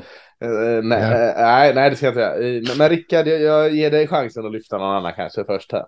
Det var schysst. Då tänker jag ta Clayton Toon från Houston Cougars. Eh, fint. Houston, eh, som jag... Alltså jag tycker att det är den här eh, andra vågen eller tredje eller fjärde eller vad vi nu är nere, nere på för vågar utav eh, Mm. quarterbacks. Det är så svårt att hitta någon som man tror kommer kunna bli så mycket mer än en backup. Och det finns gott om spelare här som jag tror kommer bli bra backups eh, och kan spela i ligan länge. Men Toon är en av dem som jag tror kanske kan bli eh, mer än så. Jag, han spelar, jag tycker att han spelar bra i fickan, han kliver upp i den eh, och är duktig på att glida runt där. Eh, plockar upp lite yards när han behöver, när han springer, är väldigt beslutsam när han drar. Eh, jag tycker det känns som att han eh, ändå kan liksom se planen hyggligt. Han stirrar ner sina spelare lite för ofta kanske och kanske inte världens största arm, men tillräckligt stark för att han ska lyckas med det han gör. Eh, Sjukt dåliga receivers i sitt lag. Eh, så där är det kanske också att jag... Han hade liksom- ju Tank Dell ja. Ja, som tappar allting. Fan, han är ju en drop Du, inte farten. 10 procent. Nej, inte farten. Man bör, han liksom glömmer att ta med sig bollen. Fan, de, de tappar bollar hela tiden. Eh, det är ju förskräckligt. Han kan inte lita på någon av dem där. Eh, så jag tänker att det är en del av det också. Att här, ja, men kommer han bara med lite kompetenta receivers som liksom fångar bollen så kommer han kanske inte behöva vara så osäker. Eh, och sen en del, han har en eh, del djupa bollar som är riktigt, riktigt, riktigt dåligt placerade. Ehm, eh, men han är väl kanske någon som är bäst på kort och medellånga passningar. Typ. Men eh, det, jag tror ändå att det finns ett högre tak än vad det finns hos många av de andra som kommer gå liksom, runda tre och senare. Mm, Spännande. Eh, ja, men eftersom, jag tycker vi gillar att kräma ut namn så fick jag ju panik klura ut en annan eh, QB som jag vill lyfta lite extra. Och det, det, då kom jag på en. Det är Aiden O'Connell från Purdue. Eh, Ligger någonstans där i de rundorna som Tune också eh, pratas om där. Eh, men jag gillar väldigt mycket med honom. Alltså, har de här fysiska egenskaperna som man ska liksom, eh, ha för en quarterback. Jag tycker han läser planen fint och eh, ja, ska man vara så här liksom överdrivet het på Aiden O'Connell så, så kan man säga att han är lite av en kombination av Bryce Young och C.S. Stroud eh, i sitt spel. Sen är han en sämre kombination av båda såklart. Eh, men, men han har lite delar av Youngs spel och lite delar av Strouds spel när han är på sin bästa sida. Men, men delar av det så att det, jag säger inte att han är Slår du ihop Young och Stroud så får du Aiden O'Connell. Så är det inte. Deras kärleksbarn. Eh, Ja, men precis. Men ja, jag tror att det är ganska gott lugn i fickan och bra kroppshållning och så. eh, Men han är väl så här, lite så här eh, streak quarterback. När han kommer i en fin rytm i serierna, då sitter det mesta. Men samtidigt då, så när han liksom har ett par dåliga passningar så sitter det där minnet kvar och då kan han göra riktigt dåliga serier. Så det är ju väldigt upp och ner med honom. eh, Extremt. Ja, men, men alltså, jag ser ändå en utvecklingspotential på honom där och, och eh, ta någonstans mitten av draften och, och jobba med honom utifrån det så, så ja, jag ser en del gott i honom. Han är ju, som du sa om Levis, det hellre tonar man ner aggressiviteten, men han är ju verkligen så här, fuck it, I can make that throw. Och så, så här kastar han Ja. hela tiden. Och liksom ingen så här, nej, det kanske är ett dumt läge. Nej, nej, nej, jag sätter den, jag vet att jag sätter den. Ja. Så, så här, Jag såg- är Jag såg någon som hade lagt in en sån här i hans eh, liksom analys så var det så här positivt. Då var det makes attempts to get the ball out instead of taking a sack. Och då tänkte jag direkt på James Winston som Ja, det är liggande sula upp bollen rakt upp i luften. En ballong som försvaret bara plockar ner. Och det är, typ så här, är det en positiv sak verkligen? Men ni jämför honom med James Winston, ni jämför honom med Absolut. Rice liksom. eh, Så att, eh, ja. Mm, Jag tänker så här att det, backup quarterbacks, då vill man, Ja. alltså inte ens eget lag så vill man kanske inte ha någon som, så att så här, det händer grejer. Men i andra lag så ser man ju gärna det, det blir ju underhållande. Det är liksom, det är finns, alltså James Winston är väldigt kul att titta på när han liksom släpper loss hela sitt register.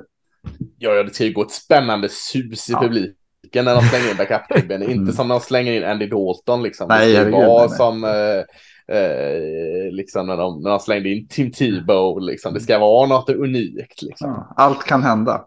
Ja, eh, har du någon, liksom du, Magnus, som du vill säga att eh, ja, kanske ska ta det lite lugnt med den här eh, kuben? Alltså, jag säger inte att du ska totalsänka honom, men någon du säger för att nja, det, det, det där tror jag inte på. Nej, men alltså, jag, nej egentligen inte. Jag, jag tänker, Nej. vi har ju sett som Bennett gjorde kuben som... Ja, ja, men det är ju kul att lyfta det med. med.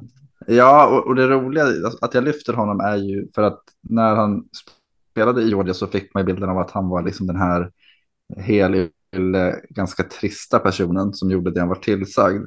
Och nu när man... fylla senare. ja, ja, men så nu så här, nej, lag tänker inte drafta honom för att han är omogen och han är liksom en loose cannon och det är inte den bilden man har fått om honom. Och, eh, på något vis så, ja, det var nästan en hyllning istället. Jag tycker att jag gillar ju att han, att han är någonting annat, helt annat än vad han såg ut att vara. Ja, Tänk vad ett mästerskap kan göra. ja verkligen. Rickard, har du någon du vill liksom säga stopp och belägg på? ska, jag stoppa, ska jag stoppa och belägga en, en dålig Joe Flacco då i Tanner McKee från Stanford? Ah, Jag var fan, tvungen att släppa den till dig. jättechansen. Första runda QB. Fan, ja, jag, jag skrev att han är, en, han är en klumpig dinosaurie i en tid. Det här är taskigt, där du inte kan vara lång och ful skrev jag också. Men jag vet inte om han faktiskt är ful. Men jag Nej, han är ful. Ja, Okej, det är bra. Då, är, då kan jag skriva det, om han är snygg i verkligheten. Nej, men nej, han är ju bara, han är liksom en lång klassisk throwback eh, QB som ska Mm. stå skyddad i fickan och då har han en tillräckligt bra arm för att eh, kasta en del snygga passningar, även fast han inte heller är särskilt träffsäker med det tycker jag. Men han är ju fullkomligt orörlig. Eh, så jag, jag kan liksom inte se ett anfall som där han liksom glider in och gör det bra. Liksom. Jag kan tänka mig att han ser jävligt bra ut på en träning och står och träffar liksom, stolparna. Men eh, han är alldeles för statisk för att han ska kunna spela i NFL. Vår tids Johnny Unitas. Mm. Ordning på uh, McKee. Ja, jag gillar honom. Ja, ja, jag, jag eh, väljer att eh, stoppa och belägg på Max Duggan. Jag vet inte om det är så mycket hype eh, Nej, så, jag men, tänkte på eh, samma, men Men, men liksom han var, att det var så trött, trötta QB i senior bowl så försökte man att lyfta upp honom lite som någonting. Han tog ändå sitt lag till collegefinal och så. Eh, men nej, jag, jag ser. Han har en stark arm och, men annars spelar han bara med vilja och hjärta liksom. Eh, och ska man göra det så ska man vara Tim Tebow eller Sam Ellinger. Max Duggan är ingen av dem liksom. Eh, så att ja, ja, han- är en liksom som eh, offrar sitt liv för att få en first down och så får han göra det varje spel och det, det funkade bra i TCU men det, det kommer aldrig funka i NFL så jag säger att Max Duggan är onödig att drafta tänker jag. Mm.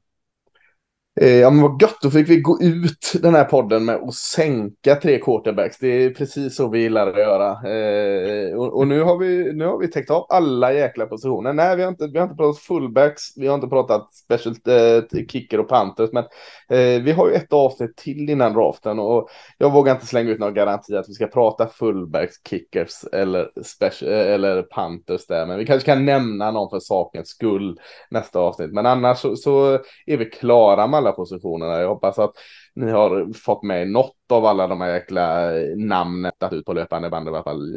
Vi har tyckt det varit väldigt roligt i varje fall eh, att göra det. Eh, Eller hur? verkligen. Mm. Många namn har det blivit. Rickard sitter fortfarande och grämer sig över McGee här, men jag tror du tycker det var roligt också. Va? Nej. Eh, Rickard eh, meddelar här nu att eh, han blev så sur för att eh, jag tyckte om Tenner så att han, han eh, drog av helt enkelt. Nej, hans eh, mikrofon slutade fungera. Eh, nu när vi har skaffat nya mikrofoner och allt sådant så, så försvann hans ljud där. Men, men eh, det gör ju inte så väldigt mycket för att eh, vi ska egentligen bara runda av den här podcasten. Eh, och Magnus, vi har ju en ett avsnitt kvar innan draft Mm. och, och eh, då tänker vi faktiskt fokusera på, som vi har gjort de senaste säsongerna väl, att vi ska fokusera på en mockdraft. Eh, vi har ju eh, vår härliga Slack-grupp eh, som, som om man då vill stötta oss genom Patreon som man jättegärna får göra om man vill och vill man inte göra det så behöver man inte göra det. Eh, men, men då är det väl nflsupporter.se och så är det någon snedstreck och så är det Patreon eller är det Magnus eller är det tvärtom? Jag frågar jag helt fel person faktiskt. Ja, men, eh, Eh, det, det här kan ju Mattias och Rickard nu som har... eh, Nej, nu är du tillbaka Rickard. han smälte. Nu är jag tillbaka, förlåt. Nu är jag tillbaka, Eh, ja. eh, sorry, mitt ljud, mina, mina högtalare låg, det, det dog. Ja, Eh, Nu, nu har vi satsat på ny utrustning för att ljudet ska bli bättre. Då bara faller Rickard ner ett korthus. Då slutar jag lyssna istället. Ja. Ja, ja men det är något sånt. Jag, ja, precis, det är det. Jag var så arg när vi pratade om det. är någonting med det här med Patreon. Jag kan det inte heller, men jag tror Nej. att det är nflsupporter.se snedstreck Patreon så tror man hittar det. Och det är jättekul om, om eh, ni gör det. Och det är jättekul om, om ni, ni hjälper oss med lite bidrag också. Men det är framförallt kul att, att få med er in i, i vår sån här chattgrupp som vi har här. För vi, vi tycker det är kul och, och det tror jag nog väldigt många av våra patrons också tycker det är roligt att dividera där inne. Som inte annat för det så kommer jag. För att, eh, det var det jag skulle komma till här innan jag sitter och, och tigger pengar. Att eh, vi, eh, vårt sista avsnitt kommer vi köra en mockdraft baserad på eh, den mockdraften vi kör i vår chattgrupp här. Och så ska vi analysera lite här och vi ska absolut inte liksom sitta och säga "Ho, ho, ho, han tog honom med val 13 utan vi kanske ska vrida och vända på det lite och, och, och tänka kring det. Så att, eh, det och kicker, punters och fullbacks eh, kommer det Kanske bli. lite frågor. Ja, kanske lite frågor. Ja, fasken var bra Magnus. För vi, vi, har ni frågor? Har ni någon så här? Ja, vad tycker ni om, om den eh, North Dakota State-spelaren? Kan ni inte lyfta honom och, och så? Eh, eller vad var allmänt kring draften? Eller frågor överlag? Så skicka gärna in dem på alla de här jäkla sätten. Man kan skicka in frågor, sociala medier, mail, eh, chattar eller eh, brev kan vi nog inte ta emot. Men allt annat, frågor tas emot. Men, men eh, så vi är inte riktigt klara med er än. Vi, vi har ett avsnitt kvar. Där ska vi gnugga det sista och men full mesta delen av fokusen ska ligga på den här mockdraften. Så eh, jag känner att nu har jag pratat så länge så att eh, Rickard Magnus, har ni något att ni vill tillägga innan vi liksom går ut här? Nej, Nej, Nej, bara glad att höra att du, har ljud, att, du har, eh, att du har eh, ljudet fungerande här Rickard. Så det, det hade varit kul att få höra er säga hej då. Ja, men vi säger det, vi säger hej då så, så hörs vi om en vecka. ha det gott. Var det bra? Ja,